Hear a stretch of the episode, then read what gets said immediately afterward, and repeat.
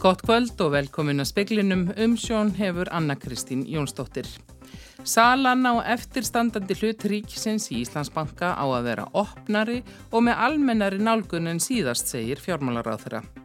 Fátt óvænt, eðsla, ekki aðhald, fórustuleysi og ólíklegt að það vinna á verðbólguði meðal þess sem stjórnaranstaðan segir um fjárlega frumarpið. Þingveturinn litast vantarlega af kjærasamningunum sem eru lausir í byrju næsta árs að dómi fjármálur á þeirra. Það sé þó fyrst og fremst vinnuveitenda og launþega að ná saman um kaup og kjör. Og auka þar fjölberi til leika í atunlíf og seðisfyrð og finna framtíðalustnir, segir sveitastjórn í Múlaþingi, uppsagnir hjá bólfiskvinnslu síldarvinnslunar séu vonbreiði þó að vitaði verið að í þær stemdi. Stjórnar andstaðan efast um að aðaldsaðgerðir í fjárlagafrumvarpinu dugi til að vinna á verðbolgu og ná niður skuldum. Fátt sé þar óvænt. Sigmundur Davík Gunnljósson formaði miðflokksins segir að ríkistjórnin slái enneitt með tíð með nýjum fjárlögum útgjöld ríkisjóðs hafi aldrei verið eins mikil. Segist reyndar að vera með aðhaldsaðgerðir, ég vil sparnað og svo skoðum við að hvað er það? Nú, það er bara að þau ætli ekki eigða eins miklu og þau hefðu kannski geta hugsað sér að gera og þetta kallaðu aðhald. Það sem liggur fyrir er að útgjöld ríkisjóðs hafa aldrei verið smikil, þau eru ennað aukast, ríkið er ekki með halla og þá verður bólku tímum. Kristrún Frostadóttir samfélkingunni segir ekki margt koma óvart í fjárlagafrumvarpinu. Í raun sé búið að kynna þessar tilugur nokkrum sinnum. Það sem kemur kannski óvart í svona aðstæðum er að ríkistjórnum verist bara að vera ætla að halda sínu striki og aðstæðum og við höfðum kannski haldið í samfélkingunni að það er eitthvað bröðist við aðstæðum, sérstaklega í efnæðslífinu, verðbólgu og vakstaðikunum. Inga Sæland, flokki fólksins, er ekki nóg gert fyrir fátæka. Ég held að veitum fyrir eitthvað kannski að tala um það sem ekki kemur fram í, í þessum fjárlögum og það er í rauninni lítið gert til þess að ráðast gegn fátakt í landinu og þegar verið að bóða eh, hækkun til dæmis á almannatryggingum þá, þá er það bara, það bara falsfrett því að svo hækkun hún er einfallega lögbundin. Bitni Levi Gunnarsinni Píratum finnst erfitt að átta sig á því hvað sé bóðað. Sé enga útskýringu á því hvernig þetta frumvarp uppfyllir unni þá þjónustaskildu sem að ríkið hefur. Nýja heldur hvernig þetta á að koma til móts við verðbólgu þrýstingin sem búin að vera. Þetta eru nákvæmlega sömu aðgerðir og voru bara í fyrra, kynntar í fyrra. Engin breyting, þannig að ég veit ekki hvernig þetta á að leysa neitt eða, eða gera neitt. Þorgerður Katrín Gunnarsdóttir við reist hefur áhyggjur á kostnaði við skuldi ríkisjóðs sem séu 110 miljardar hefminsta. Þá er það ákveð fórustuleysi sem að byrtist í þessum, uh, þessu fjármála frumvarpi. Endurteknar ákvarðanir sem að þau höfðu ekki kjart til þess að fylgja eftir þannig að, að í rauninni út af ákvarðanarfalni ríkistjórnar byrtist í fjárláða frumvarpinu aftur að þá erum við að sjá í rauninni verkefna lista næstu ríkistjórnar lengjast. Þannig að um, efnaðarstjórnin er svolítið ítt yfir á næsta kjörstínbili. Það er ekkit nýtt. Og nánari fjalla um viðbröðustjórnarandstöðunar á vefnum. Bjarni Benditsson fjármálaráð þeirra tilur að þingveturinn framöndan eigi eftir að litast af kjærasamningum sem verða lausir í byrju næsta árs. Hann segir alla hljóta vilja stemja til lengri tíma, verkefnið sé krefjandi og samtalið þurfi að fara af stað. Fyrst og fremst séða vinniveitendur og launþegarhefingin sem þurfa að ná saman um kaup og kjör, umræða um að ríkisfjármálinn þvælist fyrir í baráttunum gegn verðbolgu sé ósangjöld. Varðandi kjærasamningana, já það sjálfsögðu verður það krefjandi verkefni en við eigum að setja okkur metnaðfull markmið. Við hljótum að vilja fá hér lengri samninga sem að verja þann mikla kaupmáttarvöxt sem hefur orðið í landinu og leggur grunninn að nýri sókn uh, svona frá sterkum grunni. Uh, þetta tel ég að við getum vel gert. Uh, við erum að fjárfesta innviðum og, og skapa betri lífskilir á Íslandi með því að stýra ríkisfjármálunum af skinnsemi og ábyrð og við getum saman uh, náð tökum á þessu ástandi, náð niður verðbólgu og vöxtum og sótt fram á þeim nýja grunni. Ef að, ef að um, það er uh, viðræðu grundvöldur við vinnumarkaðin um slíkar áherslur. En heldur þú að það sé, svo stemning sé fyrir hendi? Já, ég vil nú meina að, að allir þeir sem gefa sig að svona mikilværi vinnu vilji láta gott að sér leiða og uh, það þarf bara samtal og, og hérna auðvitað er það fyrst og fremst þannig að vinnuveitendur og, og launþegarhefingin þurfa að ná saman um kaup og kjör. Saði Bjarni Benditsson, Jóhanna Vigdís Hjaltadóttir talaði við hann. 30 manns missa vinnuna þegar síldavinslan hættir bolfiskvinnslu á segðisfyrði í lok november. Sveitarstjóri í Múlaþingi segist hafa gert ráð fyrir að þetta myndi gerast en ekki strax og það, það séu mikil vonbriði. Nauðsynlegt sé að finna löst til framtíðar í aðtunumálum og segðisfyrði. Bolfisk vinsla á segðisfyrði eru komið til ára sinna og ekki í samkeppnisæfi þar fullkomnustu, segir í fréttatilkynningu síldarvinslunar. Kostnaður við endurbætur leipur á 100 miljóna króna. Þá er fjármögnun orðin dýrari auk þess sem þoskheimildir hafa dreyist saman. Síldarvinstan hefur fjárfest í húsnæði í Grindavík og þar er gert á fyrir að fiskurinn verði verkaður. Fiskimjölsvesmiða verður áfram á seðisferði og uppsjávar og fiskimjölsvesmiða í Neskjöpstað. Það eru auðvitað vonbriði en, en hins vegar áttu við svo sem alveg von á því að, að til þessa myndi koma svona ef ég á að vera alveg heðalugur þá átti ég ekki vona á að þetta myndi skella á akkurat núna. En vonbreiðin eru og, og þau eru mikil. Segir Björn Ígimarsson, sveitastjóri í Múlaþingi. Hann fundaði með fósfastmönu síldarveinslunar í dag.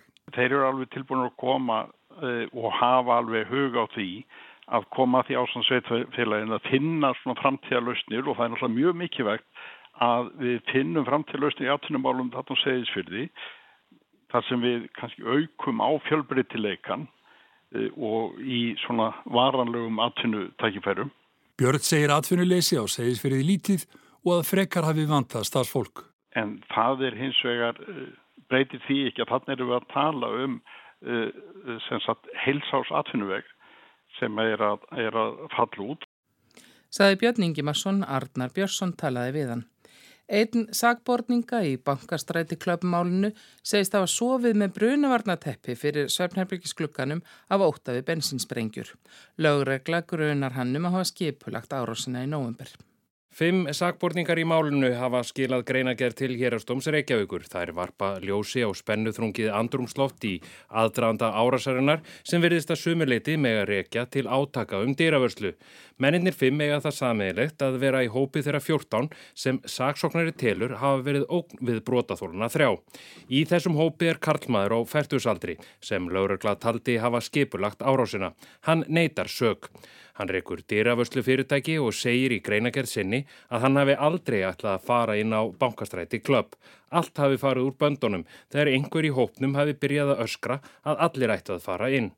Hann segist í greinagerðinni hafa sofið með brunavarnateppi fyrir Svefnervíksklökanum af ótta við bensinsprengjur. Þrátt fyrir þessar stöðu og óknir hafa hann aldrei gripið til ofbeldis eða hendaraðgerða. Þetta kvöld hafa hann tekið þátt í tilraun til að fá eitt brotaþorlana til að láta af afar ofbeldisfullri hegðun eins og það er orðað í greinagerðinni. Þeir hafi ætlað að fara nógu margir til að sína að þeim væri alvara en kvöldið hafi þróast yfir í múæsing. Freyr Gíja Gunnarsson tók saman. Skip á nefndi fulltrúadeild bandaríkja þings til þess að rannsaka hvort ákjæra beri Joe Biden bandaríkja fórsetta fyrir embættisklöp. Hann er sakaður um að hafa logið að þjóðinni um viðskipti sonarsins á erlendri grund. Kevin McCarthy fórseti fulltrúadeildar bandaríkja þings tilkynnti í dag að þingmenn republikanaflokksins hefðu afhjúpað alvarlegar og trúverðugar ásakanir í garð Bidens bandaríkja fórseta. Vittni hefði greint þingmönnum frá því að Biden hefði tekið þátt í simtulum og viðskiptafundum með Hunter Biden síni sínum og miljónir dala hefðu verið lagðarinn á fjölskyldu Bidens og samstarfsmenn í gegnum skúfufyrirtæki. These are allegations of abuse of power, obstruction and corruption and they warrant further investigation by the House of Representatives. That's why today I am directing our House Committee to open a formal impeachment inquiry into President Joe Biden. McCarthy sagði ásakanirnar varða misbeitingu valds, hindrun, framgangs, réttvísinnar og spillingu og þær verða rannsaka betur. Því hefði hann skipað nefnd til að hefja formlega rannsóknum embættisklöp fórsetans. Bandarískir fjölmiðlar segja McCarthy beittan miklum þrýstingi af þeim vang republikana flokksins sem er ist til hægri. Kvítahúsið fordæmir ákverðun McCarthys og segir hana öfga pólitík eins og hún gerist verst. Robert Jóhansson tók saman. Bjarni Benediktsson fjármálar á þeirra kynnti fjárlega frumvarp næsta árs í dag, bóðað aðhaldsfrumvarp. Gert er áður fyrir að útgjöld ríkisins á næsta ári verði hátt í 1500 miljardar króna en þá að fara í aðhald, 17 miljardar króna aðhald. Um fyrsta lagi eru við að hætta við áður áformuð útgjöld og íta undan okkur fjárfestingaverkefnum eins og til dæmis samhængamiðstöðin og fer aftar í tímaröðuna. Í öðru lagi erum við bara með almennt aðhald í rekstrinum og förum fram á það að tæknibreitingar, stafrænar lausnir og stafvæðing opera þjónustu skilir sér í, í betri rekstri og förum bara fram á það að menn nái sparnaði í innkaupum og öðru slíku. Og í þriðalagi erum við að horfa á launaliðin og við erum að segja við þurfum að draga úr útgjöldum vegna opera starfa og það getur komið mjög misjaflega niður á ríkistofnanir Nú kannski byrja á því að segja að við erum ekki að gera aðhalskröfu á það sem við kallum framlínu störf eins og fólk sem er að starfa með sjúklingum í helbíðiskerfinu eða löggæslu eða slíka þætti heldur erum svona meira í, í hennum almennu ríkistofnunum. Þetta mun leiða til þess að það verður ekki ráðið í jafnmörg störf sem losna. Það er talsverð starfsmanna velta hjá ríkinu sem að mun þá leiða til þess að eitthvað verður minna um að það verður endur ráðið og svo geta stofnarnir þurft að draga úr starfsmannhaldi. Þú sér ekki fram á eitthvað svona massífa uppsagnarreinu meðal ríkistofnana eða hvað? Nei, sko ríki er náttúrulega mjög stór vinnuveitandi. Þannig að þó að tölurnar í þessu geti hlaupið á 200-300 manns þegar allt er framkomið að þá er það bara lítið brot af heldarfjölda ríkistarsmanna. Sjálfur rekstur ríkisjóðs verður réttum einn við nullið en vegna skulda sem þarf að greiða vexti verður hallin verulegur. Gert er ráð fyrir neikvæðri afkomu um 46 miljardar króna. Þegar tekið með í rekningin, fyrirtæki og sjóðir í meiri hluta eigur ríkisins telst hallareksturinn meiri 56 miljardar króna. Enda er fjármálar á þeirra áhuga samur um að greiða niður skuldir og það vill hann gera með sölu og hlut ríkisins í Íslandsbanka. Þau eru um 42% sem eftir eru. Á næst ári þá eru við að gera ráð fyrir um 35 miljardar uh, sölu á bankanum og það skiptir máli fyrir ríkisjóð uh, vegna þess að meðan við erum ekki að reyka ríkisjóð í afgangi að þá þurfum við að taka lán fyrir hallanum og uh, það myndi muna verulega um það að ná að losa um eignarhlut í Íslandsbanka á næsta ári. Ella munum við þurfa að taka lán fyrir sömu fjárhæð. Er samstæða um þetta við ríkistjónaborði? Já, það er samstæða um það prinsip að losa um eignarhald ríkisins í Íslandsbanka og ég reyndar finn fyrir mikillir samstöðum um það í þinginu líka frá öðrum flokkum. Hins vegar er ágreiningurinn og deilurnar hafa mest snúist um, um aðferðafræðina við að losa um eignarhlutin sérstaklega við stjórnaranstöðuna en við erum í ágætti samtali í ríkistjórnini um að búa um uh, nýjar leiðir til þess að losa um eignalutinn og að sjálfsögðu erum við alltaf að leita, leitast eftir því að það geti gest þannig að sem mest sátt síðan það og það tókst því miður ekki síðast hjá okkur að skapa sátt um niðurstöðuna en, en við stefnum enga síður að því í næsta skrefi. Önnur aðferðafræði? Já, ég bara myndi segja svona með uh, svona opnari hætti kannski og, og almennari uh, nálgun. Hvenar sér þið fyrir þér að þetta verði? Já, það er ekki gott að svara þeirri spurningu. Ég vonast þess að það verði á næsta ári og það ræðst ekki bara að vilja okkar til þess að selja, heldur ræðst að þetta líka af utanakomandi aðstæðum. Aðstæður þurfa að vera réttar til þess að sé talið skinsanlegt fyrir ríkið að losa megnarhlut. Salan á Íslandsbanka er því fuggl í skógi, ekki í hendi. Og talandi um fuggla í skógi, það á að leggja á gistináttaskatt að nýju eftir kóvillíi og nú líka á skemmtifærðarskip og þó að þetta sé ekki óvænt er ekki búið að ganga frá hvernig og að auki slær bjarni svolítinn varnakla. Að óbreyttu þá tekur hann aftur gildi um næstu áramót. Við höfum sagt varðandi skattlagningu af gistingu á Íslandi að það sé ósangjant að skemmtifæraskipin séu undanskilin. Þetta eru neila eins og fljótandi hótel. Þannig að við höfum bóðað að skemmtifæraskipin fara að taka þátt í greiðslu slík skjalds. En um, eins og uh, sakir standa þá er samtal í gangi við milli fjármálaráðnættisins og menningar og viðskiptaráðnættisins sem fer með ferðamálinn um útfæslu á þessum hlutum og ég sé fyrir mér að núna á haustinginu þá munum við koma með nánari útfæslu á uh, slíkri gjaldtöku. Bjarnheiður Hallstóttir, formaður samtaka ferðarþjónustunar, segir það ekki koma á óvart að gistináttagjald sé tekið upp að nýju. Það er eins og upphæðin sem þetta á skila sem við erum að klóra okkur í kollinum yfir. Gistináttaskattur mun skila, eða hefur skilað svona um einum og hálfu miljardi en eh, fjármálur á þeirra ætlar að innhemta sem sem trúma fjóra miljardi að ferðarþjónustunum og við svona spurum okkur hvernig það er að fara fram. Bjarniður segir að gistináttagjald á skemmtifærðarskip komi með afar stuttum fyrirvara. Í ferðarþjónustu þurfi helst að bóða gjaldtöku með 12 til 18 mánada fyrirvara svo hægt sé að reikna gjöldin í verð á ferðum sem séu seldar langt fram í tíman. Þetta var við búið en þetta er umdeltur skattur og við í tekjuöflunni. Að Bjarni bóðar einnig auknar tekjur af fiskeldi og sjávrútvegi og það er verki vinslu. Já, við erum nú fyrsta lagi að tala um frumar sem hefur áður komið fram á þinginu og, og fekk talsverða umfjöllun fyrir árið síðan en við höfum bóðað það að það er því aukin gjaldtaka af fiskeldisfyrirtækjum. Um, þetta eru nokkur hundru miljónir. Uh, að öðru leiti þá eru um, málefni tengt sjávrútveginum í ákveðinu svona heildarendurskóðan eins og er ofnbert og og það er ekki að verða til, það er ekki að verða neinar svona almennar breytingar á veiðigjöldum eða slíku en, en við höfum væntingar um að það muni skila sér um, uh, aukna tekjur í ríkisjóð vegna þess að það hefur árað vel hjá sjárútvegi. Hugum þá að bílunum. Það er komið að tímamótum hjá eigandum ramagsbíla og tengil tvinnbíla. Nú erum við að bóða að ramagsbílar eins og aðri bílar farið að greiða fyrir að nota vegakerfið og það kemur um þetta sérstatt frumvarp fram núna á haustinginu Við sjáum fyrir okkur að menn muni greiða eftir því sem er nota vegakerfið þannig að það þurfa að fylgjast með því hversu mikið bifræðin er notuð og gjaldi muni fara eftir því. Þegar upp er staðið þá verður samt sem áður bæði stuðningur við kaup á ramasbifræðum, sérstaklega hafkamari bifræðunum og það verður líka ódyrra að eiga og reka ramasbifræð. Þannig að kvatarnir verða áfram til staðar til þess að vera í orku skiptunum en það verður dreyið úr það. Verður þetta ekki alveg flókið kerfið? Hefði ekki bara verið betra að taka upp einhvers konar veggjöld? Jú, ég get tekið undir það að, að það getur verið flókið að fara úr einu kerfi yfir í annað en við viljum gera það í ákveðnum skrefum og þetta er fyrsta skrefið þar sem við tökum í raun og veru bíla sem hafa að mestuleiti verið undanþegnu gjaldtöku, sérstaklega fyrir notkunum vegikerfum, við tökum þá inn í kerfið.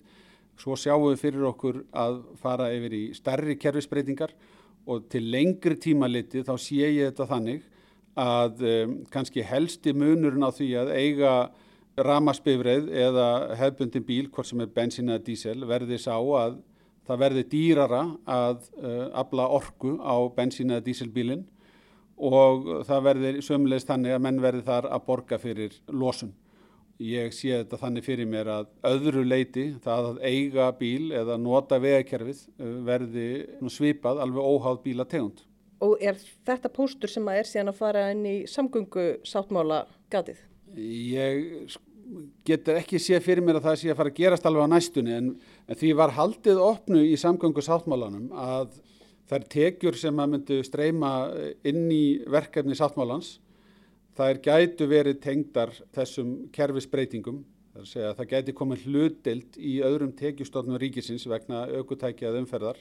Þannig að það er ekkit loku fyrir það skotið til lengri tíma að, að, að hluta til renni fjármagn úr almennum tekistofna ríkisins inn í til dæmi stoppvegu uppbyggingu hérna á höfuborgarsæðinu. Það er ekkit loku, fyrir það skotið og væri ekkit, ekkit óæðilegt. En uh, þetta er mikil áskorun. Okkur er að fjölga, okkur íslendingum. Það þarf að fjárfesta meira í samgöngum og við getum ekki byggt á kerfi sem að uh, grefur undan sjálfu sér. Það sem allir kvatarnir eru til þess að fara í bifriðar sem að taka ekki þátt í kostnæðinum. Runolfur Ólafsson, framkvæmdastjóri félags íslenskra bifræða eigenda, fagnar því að stjórnvöld fari út í að innheimta kílometrakjald þó það sé til að byrja með bara af hreinorkubílum og ekki liggi fyrir neyn útfærsla.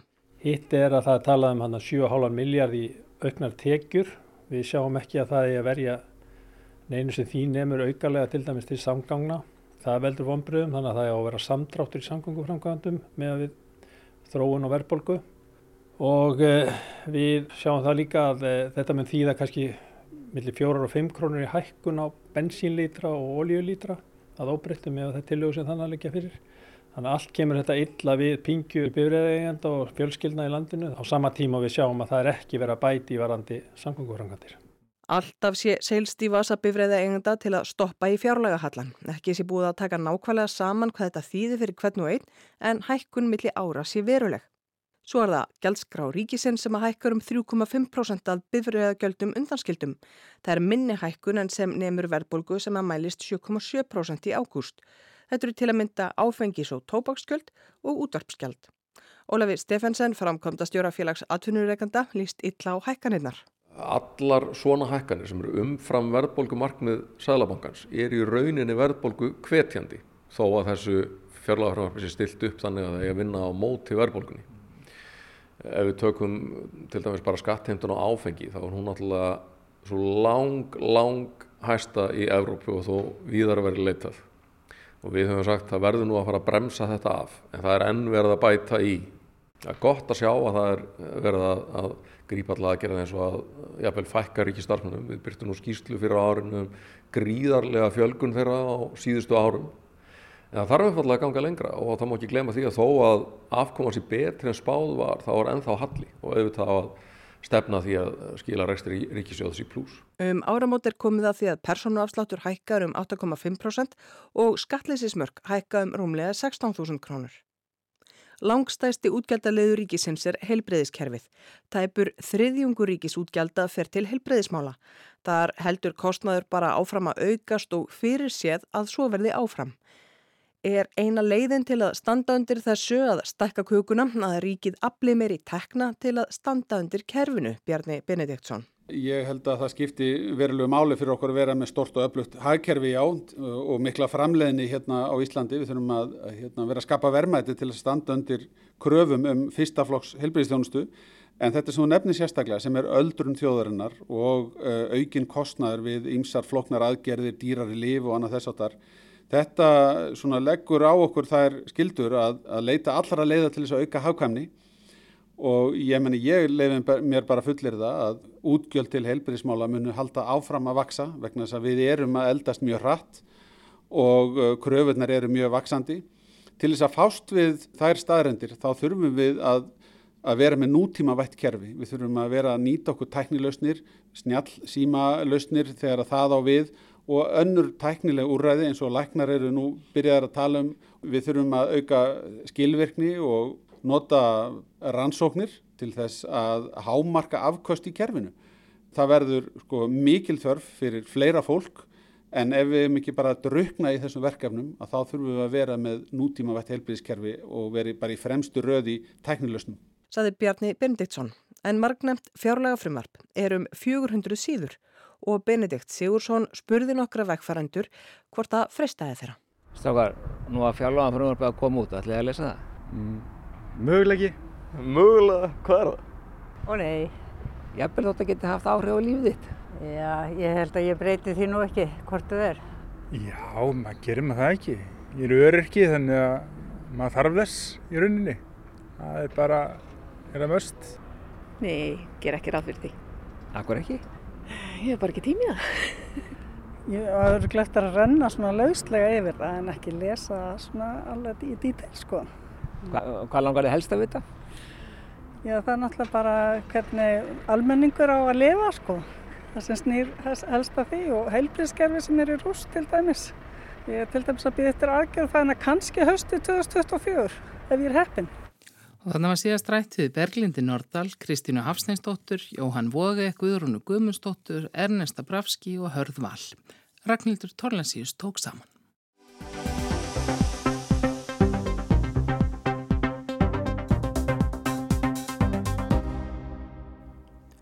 Það er hægri bylgja í Noregi. Vinstri flokkar töpuð meiri hluta í stærstu bæjónum í sveitarstjórnarkostningum um helgina. Verkamannaflokkurinn er ekki lengur stærsti flokkur Noregs eins og verið hefur í 99 ár. Í Óslo og Björgvin taka borgaraflokkarni við völdum en tapiði mest hjá græningum. Úrslitinn þykja marka þáttaskill í stjórnmálunum. Fórista verkamannaflokksins kom saman til krísufundar í morgun og þar var meðalanslagt til að stopniðrið rannsóknarnemnd til að fara í saumun á því sem fór úr skeiðis. Gísli Kristjánsson tekur við. Allir verða að hugga sig við eitthvað að loknum kostningum. Jónaskar Störi, forsætisráþura og formaður verkamannaflokksins getur huggað sig við að tapið varð ekki eins ljótt og ástæði var til að óttast. Flokkurinn fekk 21% fylgi yfir landið allt en ekki 14% eins og skoðana kannanir bentu til. En samt verkamannaflokkurinn hefur verið stæsti flokkur landsins frá árinu 1924 eða 99 ár. Nún er hægri flokkur Ernu Solberg fyrrum fórsættisráþara stæsti flokkurinn með nær 26% af fylgi.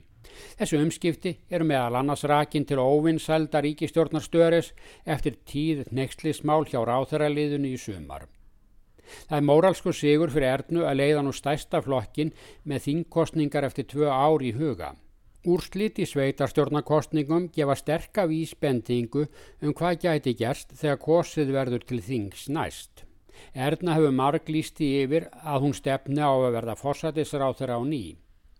Sigurinn þýðir einnig að stæstu borgir, það er Óslo og Björgvin, fá nú hægri stjórnir á ný eftir valdatíð vinstri manna stíðustu kjörtjánabil. Kratar hafa og mist völdin í mörgum stærri bæjum. Nýðurstaðan er áfall fyrir þá. Stjórnbornabaráttan í Nóri er jafnan í förstum skorðum. Flokkar skiptast í tvær blokkir eða fylkingar sem gjarnan eru kallaðir borgaraflokkar og sósialistískir flokkar. Úslit ráðast að því hver næra flytja fylgi milli blokka. Í síðustu kostningum, bæði til þings og sveitarstjórna, hefur miðflokkurinn verið drúur í að flytja fylgi yfir miðlinuna og finna því stað vinstramegin. Miðflokkurinn er flokkur bænda undir fórustu trygg við veðum fjármálaráðara. Núna tapar flokkurinn því sem ávinnist hefur síðustu ár. Fylgi flokksins er nú nær engöngu í hennum dreifuðu byggðum. Hægri flokkurinn og einni framfara flokkurinn og lítil flokksbrot til hægri ná nú tökum á þessum atkvæðum og flytja þau yfir til hægri. Flokkarnir eiga hins vegar aldrei í samstarfi yfir miðlununa, milli hægur og vinstri, ólíkt því sem er á Íslandi. Og flokkar bæði til hægur og vinstri geta verið mjög ósamál og um einstök mál sín á milli. Núna verða fimm flokkar á hægri vengnum að ná saman. Oft eru flokkarnir sammála um það eitt að vinna ekki með óvinunum hinum einn við miðlínuna. Það hefur líka sitt að segja við úrslitt kostninga núna að græningjar missa töluvert fylgi. Þeir hafa verið áberandi til dæmis í borgarstjórnin í Óslo og þykju oft hafa gengið of langt í að loka gödum borgarinnar fyrir engabílum og auða þessi stað öllum peningunum í reyðhjólastíga. Eitt smáflokkur, norsku demokraterni, hafði anstöðu við reyðhjóla aðanmáli en fekk fá atkvæði. Samgöngur skipta miklu máli fyrir fylgi flokkana í borgunum. Í mörg ár hafa til dæmis flokkar í Björgvin tekist á um nýja borgarlínu, borgarlínu 2, sem á að fá spór fyrir framann hinn frægu Bryggjuhús. Sigurvegarnir til hægri eru nú mjög ósáttir um borgarlínuna. Hægri flokkurinn stiður hana en vantalegi samstarfsflokkar jafnvel með það eina mál að berjast gegn nýju borgarlínunni. Í Björgvin býða því hægri manna erfiðar viðræður um nýjan meirluta einmitt vegna borgarlínunar. Í Óslo eru vantanlegir samstarflokkar hægri manna þegar farnir í hár saman vegna borgarumferðarinnar. Umhverfismál og samgöngur eru þannig mál málana víðam um land og vindar blása nú í segl þeirra sem eru ansnúnir fríðunastefnu græningja og takmörkunum á ferðum engabíla. Svo erum nýjan flokk sem kennir sig við yðnað og atvinnulíf. Flokkurinn fekk 3% atkvæða í landinu alls og í einstökum sveitafélugum miklu meira. Stefnaflokksins er að berjast gegn vindmillum og að hætt verða að selja norska raforku á markaðsverði um alla Evrópu. Heimamenn eiga orkuna og flokksmenn segja nóg komið af talu um loftslag og nattræna hlínun og vilja hefja ólíuvinnslu og yðnað til vex og virðingar á ný. Og í speklinum sagðum við meðal annars fara því að stjórnar anstaðan segir fátt óvænt í fjármálafrumvarpinu. Það snúist um eðslu, ekki aðhald og ólíklegt að það vinni á verðbolgu. Alþingi var sett í dag og þingveturinn litast væntalega af kjærasamningum sem eru lausir í byrju næsta árs að dómi fjármálaráþra. Auka þarf fjölbreytileika í atvinnulífi á seðisferði og finna framtíðarlausnir, segir sveitarstjórin í Múlaþingi. Uppsagnir hjá bolfiskvinnslu síldarvinnslunar séu vonbriði. Einn sagborninga í bankastræti klöpmálunu segist hafa sofið með brunavarnateppi fyrir söfnherbyggisklukkanum af óta við bensinsprengjur. Lögregla grunaði hann um að hafa skiplagt árásina í november. Veðurhorfur er þær það verið söðaustan kaldi sunnanlands á morgun og dál til væta en hægari og þurft fyrir norðan og hitti breytist lítið. Fleir er ekki speklinum í kvöld, tæknimaður var Kormákur Marðarsson, Anna-Lísa Hermannsdóttir stjórnaði útsendingu, veriði sæl.